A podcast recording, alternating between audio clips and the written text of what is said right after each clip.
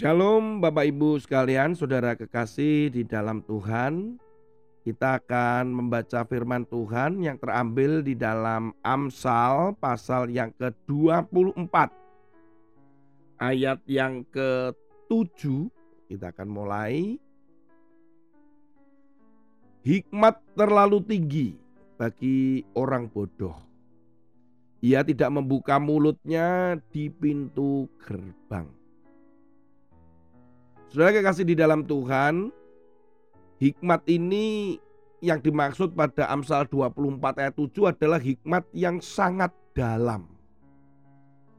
Jadi bagi orang bodoh, hikmat yang tingkat tinggi, tingkat tinggi ya, artinya di situ pasti ada bagaimana hidup disiplin, bagaimana hidup dekat dengan Tuhan, bagaimana menguasai diri. Nah, bagi orang bodoh itu nggak bisa dilakukan dan itu dia nggak mengerti dan tidak memahami.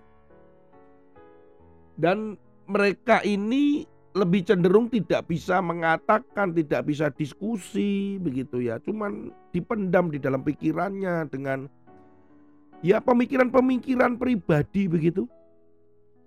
Karena dikatakan dia tidak membuka mulutnya di pintu gerbang. Pintu gerbang itu adalah tempat para tua-tua kota untuk menasehati, berdiskusi, berinteraksi satu dengan yang lain. Nah, tetapi bagi orang bodoh itu kalau ada di situ, wah dia nggak nggak bisa dinasehati, nggak mau dinasehatin, karena dia terus berkutat pada pikirannya sendiri.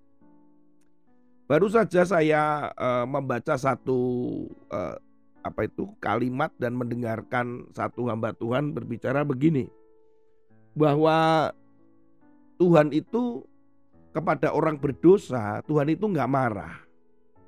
Tetapi membawa mereka untuk bertobat. Lakukan sesuatu mujizat bagi mereka.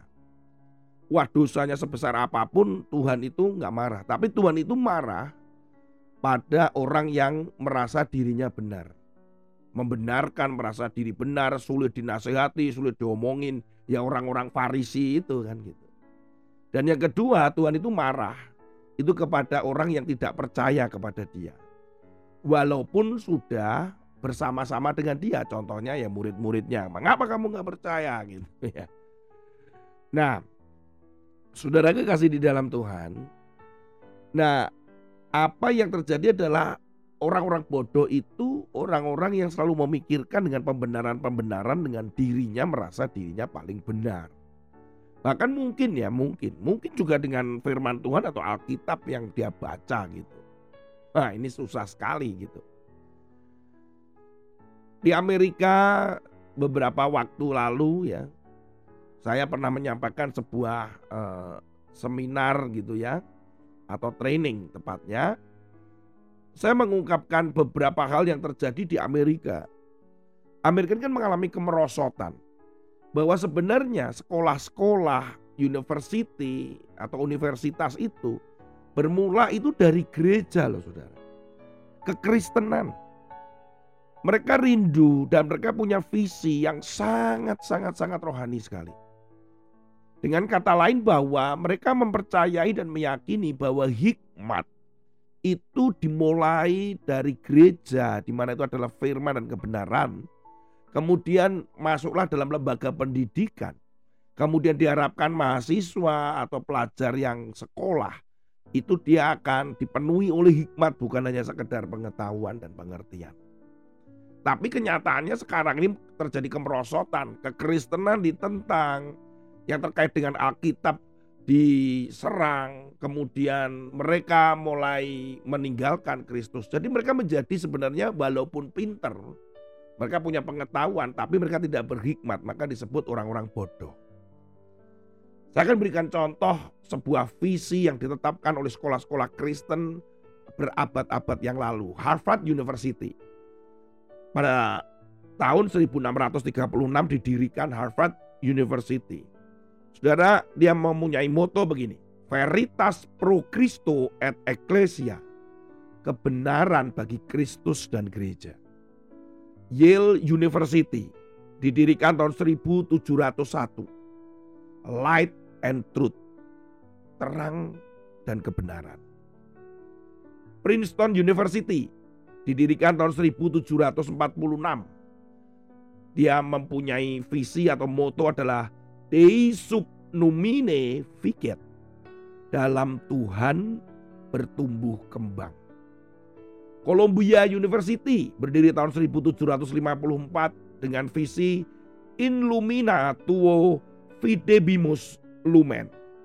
Dalam terangmu kami melihat cahaya. Northwestern University 1851 visinya adalah Quao cumque sun vera atau Filipi pasal 4 ayat 8 semua yang benar. Southern Illinois University tahun 1746. Dio Volente atas kehendak Tuhan. Belum lagi universitas-universitas yang lain, Oxford University, Cambridge University, University of St. Andrews, University of Edinburgh. Semuanya itu Kristen. Tapi faktanya adalah kekristenan makin merosot dan banyak orang bodoh ketika mereka menentang hikmat dan mereka menentang kebenaran firman Tuhan. Mereka meninggalkan Tuhan.